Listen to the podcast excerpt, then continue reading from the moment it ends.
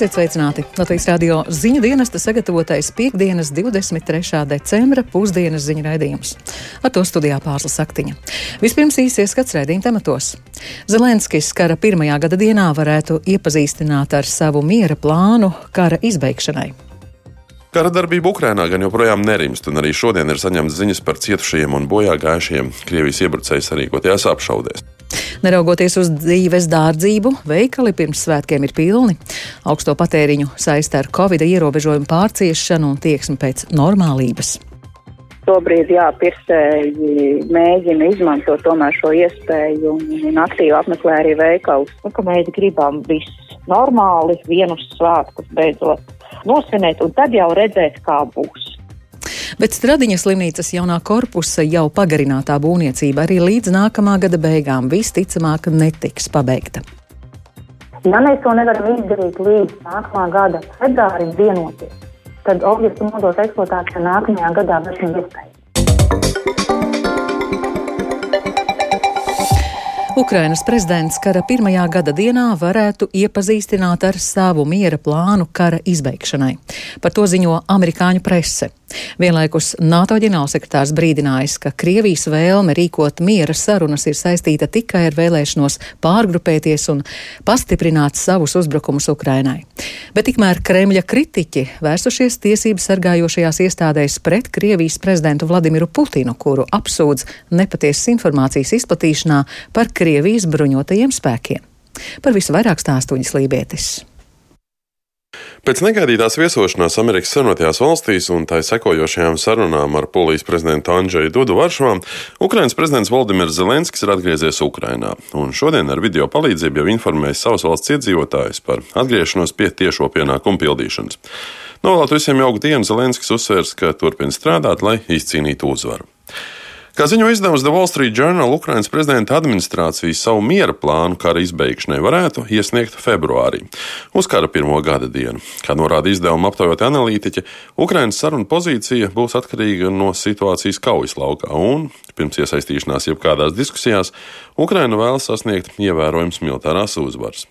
Pasaules septiņu ietekmīgāko valstu, jeb G7 valstu un grupas ārlietu ministri virtuālās tikšanās laikā jau ir apsprieduši Ukrainas izteiktos miera piedāvājumus, ar kuriem iepriekš Zelenskis iepazīstināja ASV prezidentu Joe Bidenu. Un kā izteicies ASV valsts sekretārs Antonijs Blinkens, tad Ukrainas piedāvājums ir labs sākums turpmākajām diskusijām. Savukārt NATO ģenerālsekretārs Jens Stoltenbergs izteicies, ka pašreizējās Kremļa darbības apstiprina vien to, ka Krievija ir apņēmības pilna atsākt uzbrukumus Ukrainai, bet piedāvājums iesaistīties sarunās ir tikai mēģinājums iegūt laiku, lai pārgrupētos. Runājot par pārgrupēšanos, tad Krievijas masu saziņas līdzekļos publiskot video, kuros redzams, kā Baltkrievijā tiek nogādāti zenīta raķešu kompleksi Tor. Tiek uzsvērts, ka šāda tehnikas pārvietošana notiek militāra tehniskās sadarbības programmas ietvaros. Savukārt Žitomirs mērs Sergejs Suhamļins paziņoja, ka Ukrainā karojošais Baltkrievu brīvprātīgo Kaļinovska pulks varētu tikt pārvietots tieši Baltkrievijas robežas aizsargāšanai. Tas būtu nepieciešams gadījumā, ja Ukrainā sāktos vēl viens iebrukums no Baltkrievijas teritorijas.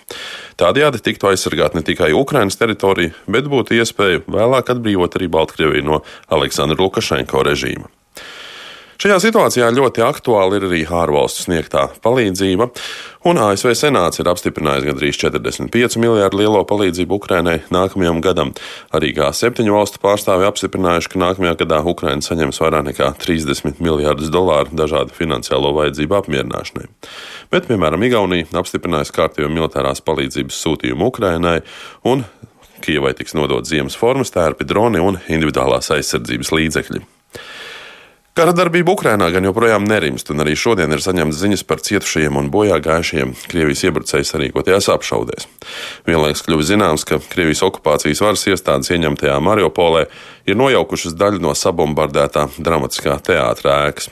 Pilsētas mēra vietnieks Piotrs Andriušenko uzsver, ka okupanti ir nojaukuši tieši ēkas aizmugurējo un centrālo daļu, kurās bija atrodami pierādījumi par iespējamo kara noziegumu pastrādāšanu. Atgādinām, ka Mariupoles teātrī izvietotajā bumbu patvērtnē pēc dažādām ziņām gāja bojā vairāki simti cilvēku, tostarp arī bērni. Bet noslēgumā par kādu interesantu atgadījumu. Krievijas prezidents Vladimirs Putins vakar vienā no oficiālajām sanāksmēm ir paziņojis, ka Krievija vēlas izbeigt šo karu. Tā ir pirmā reize, kad tiek lietots vārds karš, jo līdz šim konsekventi izmantots apzīmējums īpašā militārā operācija. Uz šo izteikumu vai netīšo mēlis pagriezienu ātri reaģējuši Kremļa kritiķi. Vēl ātrāk ir rēģējis Sanktpēterburgas pašvaldības deputāts Nikita Juferevs, kurš vērsies prokuratūrā un iekšlietu ministrijā pieprasot ierosināt pret Putinu krimināllietu par Krievijas bruņoto spēku apmelnošanu. Juferovs norādījis, ka rīkojumu par īpašās militārās operācijas izbeigšanu nav bijis, bet karš oficiāli nav pieteikts. Un par šādiem izteikumiem cietumsodi jau ir saņēmuši tūkstošiem cilvēku. Tāpēc arī prezidentam nevajadzētu būt izņēmumam, bet par saviem vārdiem atbildēt. Uģis Lībijams, Latvijas Radio. Ukrainas galvaspilsētā Kijivā turpinās Krievijas raķešu un dronu uzlidojumos nodarīto postījumu novēršana. Par to, kā Kijivai sokas ar šiem darbiem, Latvijas radio korespondente Kijivā Indra Sprānce izvaicāja Kijivas mēra vietnieku Valdimiru Prokopivu. Первая инфраструктура. Какая ситуация по большому? Да? Pirmais - infrastruktūra. Kāda ir kopējā situācija? Cik jums ir sagrauto ēku un kāda ir pašvaldības nostāja? Cik un ko jūs atjaunojat un ko nē? Мы, как городская власть, должны подходить максимально рационально. Mēs kā pilsētas vadība, mums ir jārīkojas maksimāli racionāli. Ir mājas, kas ir pilnībā sagrautas, kuras nav jēgas atjaunot, un šiem cilvēkiem nāksies meklēt vispirms pagaidu mitekļus, un pēc tam kaut ko pastāvīgu. Ir arī mājas, kā piemēram māja Černobiļskas ielā, tā viena no pirmajām cieta. Tas ir standarta projekts, 16 stāvu ēka, aptuveni 130 dzīvokļu, no kuriem puse izdega un tika iznīcināta pilnībā, bet puse cieta daļēji. Tā kā pārsegums un nesošās konstrukcijas nebija kritiski bojātas, tad pilsēta, balstoties ekspertu atzinumos, pieņēma lēmumu, ka atjaunosim šo māju. Šobrīd tā jau ir atjaunota, un cilvēki pamazām atgriežas savās mājās возвращаются в свои дома. Могу вам дать даже в точных... Varu jums arī nosaukt precīzos skaitļus. Šo kara pirmo mēnešu laikā mums kopumā cieta 678 objekti. No tiem 350 dzīvojamās mājas, 77 skolas un bērnu dārzi un 80 pilsētas komunālās saimniecības ēku. 25 transporta infrastruktūras objekti un 26 slimnīcas. Kā jūs novērtētu procentuāli? Cik jau ir izdarīts? Тяжело, наверное, оценить в процентах, потому что в процентах... Grūti novērtēt procentuāli, jo procentos tas būtu, kad visi 100% atgriezušies savās mājās, tad būtu 100%. Bet, kad māja praktiski atjaunota, bet cilvēki tur vēl nedzīvo, kā to novērtēt? Pilsēta dara, ko var. No saviem pilsētas budžeta līdzekļiem esam izdalījuši vairāk nekā 600 miljonus atjaunošanai. Kaut kur vēl aptuveni 200 miljonus mums iedeva centrālā vara no valsts budžeta līdzekļiem, un tas tiek darīts. Protams, pirmkārt tiek atjaunota kritiskā infrastruktūra - izglītības, medicīnas iestādes, komunālo dienestu ēkas. Pilsēta, kur nav ūdens, siltuma un elektrības, nevar normāli funkcionēt.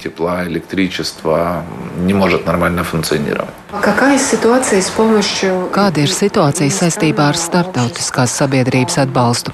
Ir runāts par Ukrainas rekonstrukciju, Māršala plānu. Ir valstis, kuras jau ir izvēlējušās, kam grib palīdzēt. Kāda ir situācija ar Kijivu? Vai jums kāds grib palīdzēt un kā? Тут надо воспользоваться моментом и поблагодарить всех, кто... Te ir jāizmanto iespēja un jāpasakās visiem, kas turpina palīdzēt un ir palīdzējuši. Īpaši pirmajos mēnešos, kad Kīvā notika aktīva karadarbība. No 4,5 miljoniem cilvēku, kuri tobrīd atradās Kīvā, Uz marta beigām bija palikuši laikam kādi 800 tūkstoši. Tātad 3,8 miljoni cilvēku kaut kur aizdevās. Nebija kaut kādas humanitārās katastrofas tikai pateicoties tam, ka bija palīdzība no visām valstīm, kurām pat nebija tāda pienākuma to darīt. Mums nebija nekādu konkrētu līgumu, nebija nekā, kas uzliktu šo pienākumu. Bet mums bija gan pārtikas produkti, un tur, ja runājam par Latviju, tad mums Krievu raķeti trāpīja autobusu parkā, un Rīga mums uzreiz piegādāja autobusus. Rīga nam pastāvēja srazu autobusu. Un nas, mums, tajā skaitā no Rīgas, jūs jau zināt, kāda mums ir situācija saistībā ar enerģētiku. Mēs saņēmām 49 jaudīgus ģeneratorus, kas deva iespēju nodrošināt kritisko infrastruktūru. Tas ir slimnīcas, transporta infrastruktūra, lai cilvēki var pārvietoties pa pilsētu. Un šī palīdzība burtiski jau nākamajā dienā tika likta lietā kādā objektā, un kādā slimnīcā cilvēki saņēma palīdzību tikai pateicoties tam, ka mēs saņēmām palīdzību. Nezinu, cik daudz jūs varat pateikt, varbūt nevarat par to runāt, bet gribēju saprast, vai jūs gatavojaties tai situācijai, ka var būt vēl sliktāk, atkal pilnīgs blackouts, jeb pilnīga aptumšošanās. Если вы можете что-то сказать, тогда... Не может говорить, наверное, разведка. Nevar runāt, droši vien izlūkošana. Mūsu kā pilsētas vadības pienākums ir darīt visu iespējamo, lai nodrošinātu cilvēkus.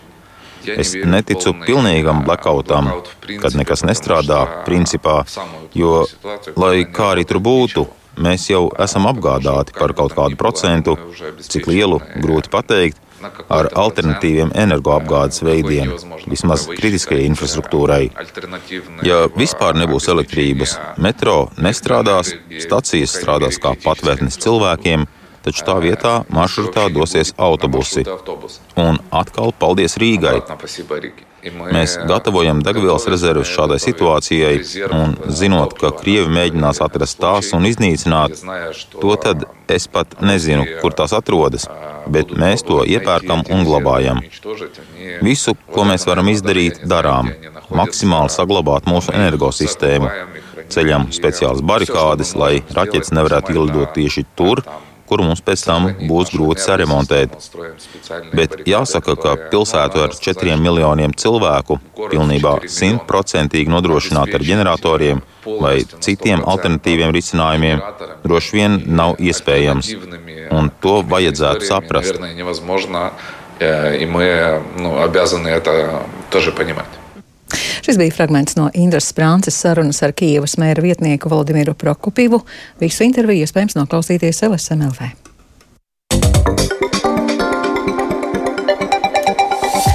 Pirmsvētku laikā cilvēku aktivitāte tirzniecības centros un interneta veikalos ir augsta, neslēpj nozares pārstāvji. Arī augstas inflācijas apstākļos. Tas liecina gan par cilvēku vēlmi svētkos izmantot savus uzkrājumus, gan spītējot notiekošajiem pasaulē svinēt kā ierasts. Turpina Jānis Kīncis. Situācijas, kad pie lielajiem tirdzniecības centriem var būt grūtības novietot automašīnu, apliecina, ka sabiedrības vēlme un iespējas sagatavoties gada nogalas svētkiem ir augstas.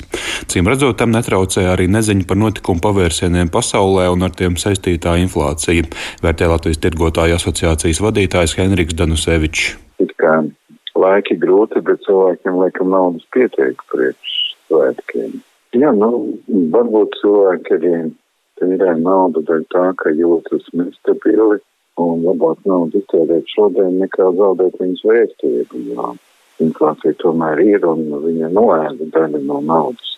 Tāpēc tie, kam ir uzkrājumi, es domāju, ka tērē ar šo domu, ka labāk šodien nopirkt nekā rīt zaudēt daļu no tādas. To apliecinot arī ilgākam laikam noderīgu preču, kā lielās sadzīves tehnikas plašāka iegāde pirms svētku laikā, ko citkārt atlikt uz rītdienu.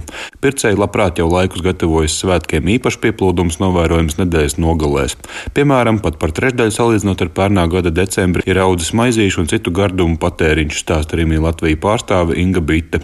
Vēlme sagatavoties svētkiem noteikti vairojusi arī atbrīvošanās no Covid-19 pandēmijas laika ierobežojumiem tirdzniecībā.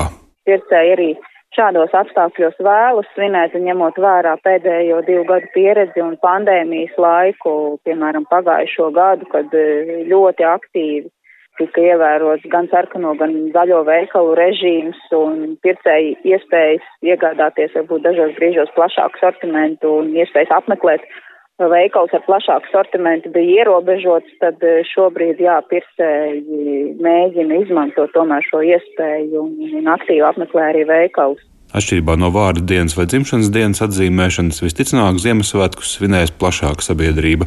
Tāpēc arī sarežģītos laikos šo svētku tradīcijas ar apdāvināšanos un citām ierastām lietām nepazudīs. Tā vērtē Latvijas Universitātes sociālo zinātņu fakultātes asociētā profesore, patēriņa kultūras pētniece Marita Zitmane. Tas jau kopumā vispār cilvēcei ir ļoti raksturīgs, kā pēc kaut kādiem ierobežojumiem un, un taupības ir šī patēriņš ir dabiski augsts. Ļoti iespējams, ka arī mēs pat labāk par spīti tam, kas notiek, ka ir karš, nu mēs esam to Covid pārvarējuši, jā, karš ir, bet viņš gluži nav pie mums, un ka mēs gribam viss normāli, vienus svētkus beidzot nosvinēt, un tad jau redzēt, kā būs patēriņš un, un teiksim, kaut kāda uh, svinēšana, tā ir daļa no tādas normālības, no iespējas atgriezties pie normālās dzīves, ja, pie labās dzīves, tas, tas ir nenoliedzami. Tās lietas ir ļoti saistītas. Par patērētāju vēlmi tērēties liecina arī tirzniecības centru, tajos sarīkoto vietējo ražotāju un amatnieku tirdziņu, kā arī interneta veikalnieku novērojumi, ko apkopojusi ziņu aģentūra Leta.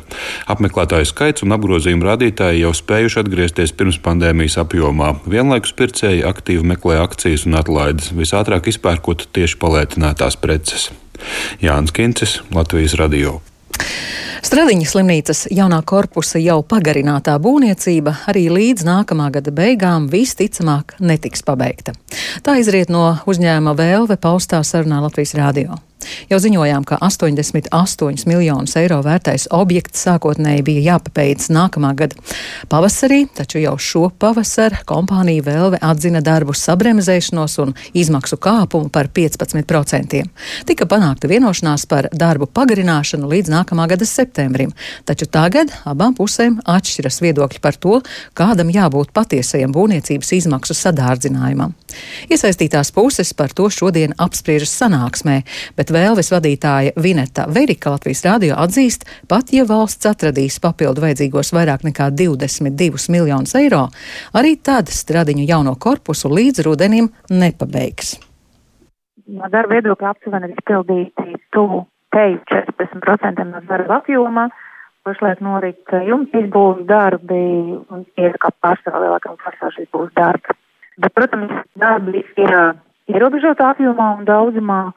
Tā iemesla dēļ, ka pašlaik mēs risinām sadārzinām jautājumu, kā ietekmē tādā intensitātē, kādā būtu jāstrādā droši vien nākamos mēnešus, nākamā periodā, nu, nav iespējams to darīt. Kā jūs esat risinājuši šo sadārdzinājumu problēmu?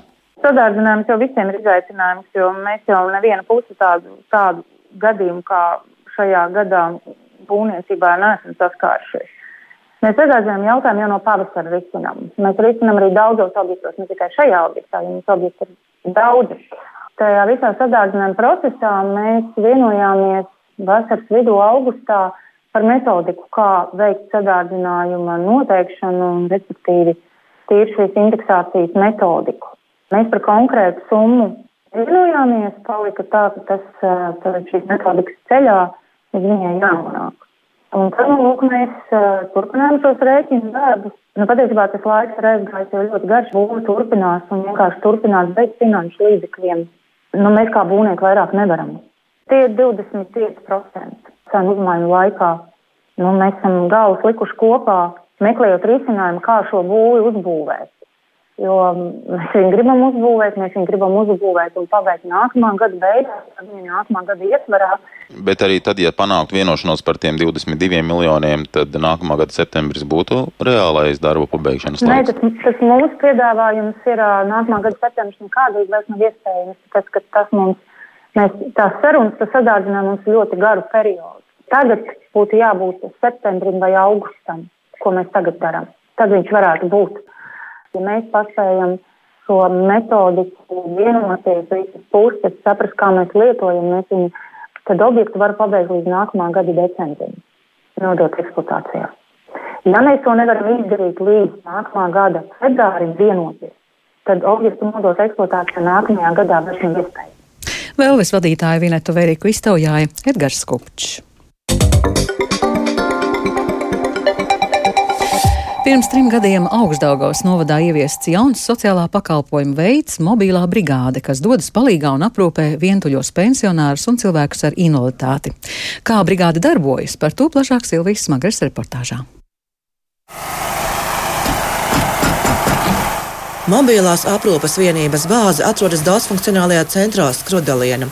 Tieši no šejienes speciāli aprīkotā mašīnā ikdienas izbrauc mobilā brigāde triju cilvēku sastāvā lai apciemotu vientuļos sirmgalvjus un cilvēkus ar īpašām vajadzībām visā augšdaļgavas novadā. Aptuveni 100 litri. 100 litri, ko mašīnā iepumpē? Jā, jā. Jau sešos rītā šoferis un mobilās brigādes darbinieks Dmitrijs Stalbovs sāk gatavot mašīnu, piepildot to ar ūdeni un pieslēdzot autonomo apkuri. Un tā arī veļas mazgātava, ja? Maz... Jā, jā. Mašīna. Tā ir dušu kabīne. Šī mašīna kalpo gan kā duša, gan kā veļas mazgātava un pat skaistumkopšanas salons, stāsta sociāla aprūpētāja Oksana Sivačova.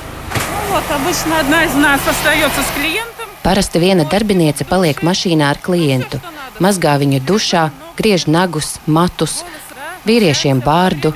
Pa šo laiku tiek iedarbināta veļas mašīna un mazgāta klienta veļa, bet otra darbiniece kārto un tīra māju.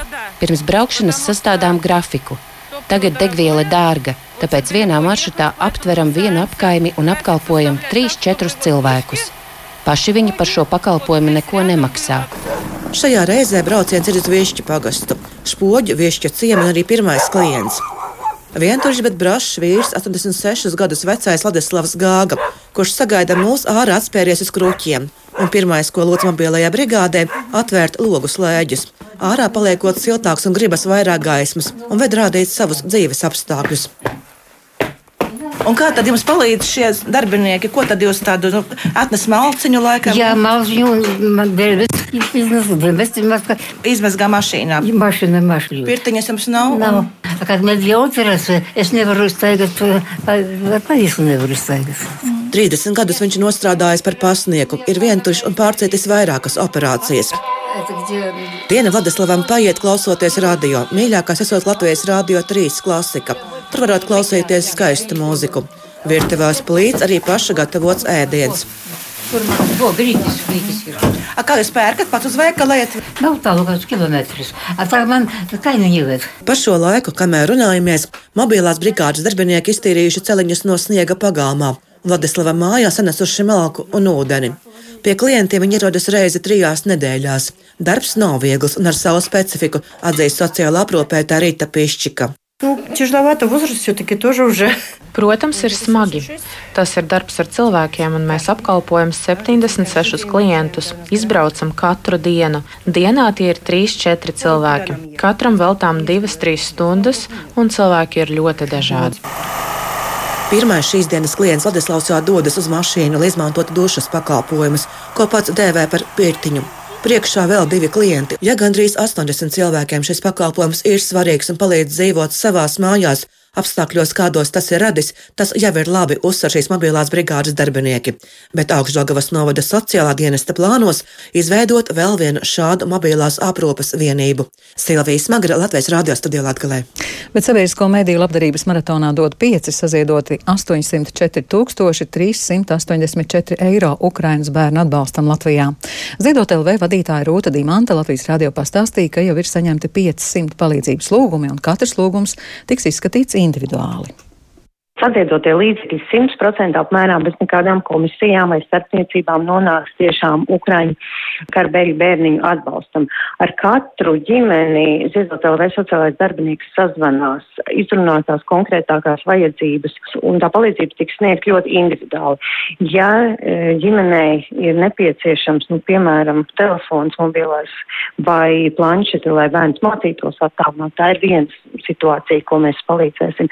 Bet ir arī ģimene, ģimenes, kurām ir ļoti akūti nepieciešama pārtika, jo viņi ir iedrušies nesen, darba vēl nav un pabalsti nespēja nosakt visas tās vajadzības, īpaši ziemas periodā. Izskan pusdienas raidījums, producents Edgars Kupčs, ierakstus montēja Kaspars Groskops, par labskaņu rūpējās Katrīna Bramberga, ar jums runāja Pārsla Saktiņa. Īsi svarīgākais. Zelenskis kara pirmajā gada dienā varētu iepazīstināt ar savu miera plānu kara izbeigšanai, un Stradiņas slimnīcas jaunā korpusa jau pagarinātā būvniecība arī līdz nākamā gada beigām visticamāk netiks pabeigta.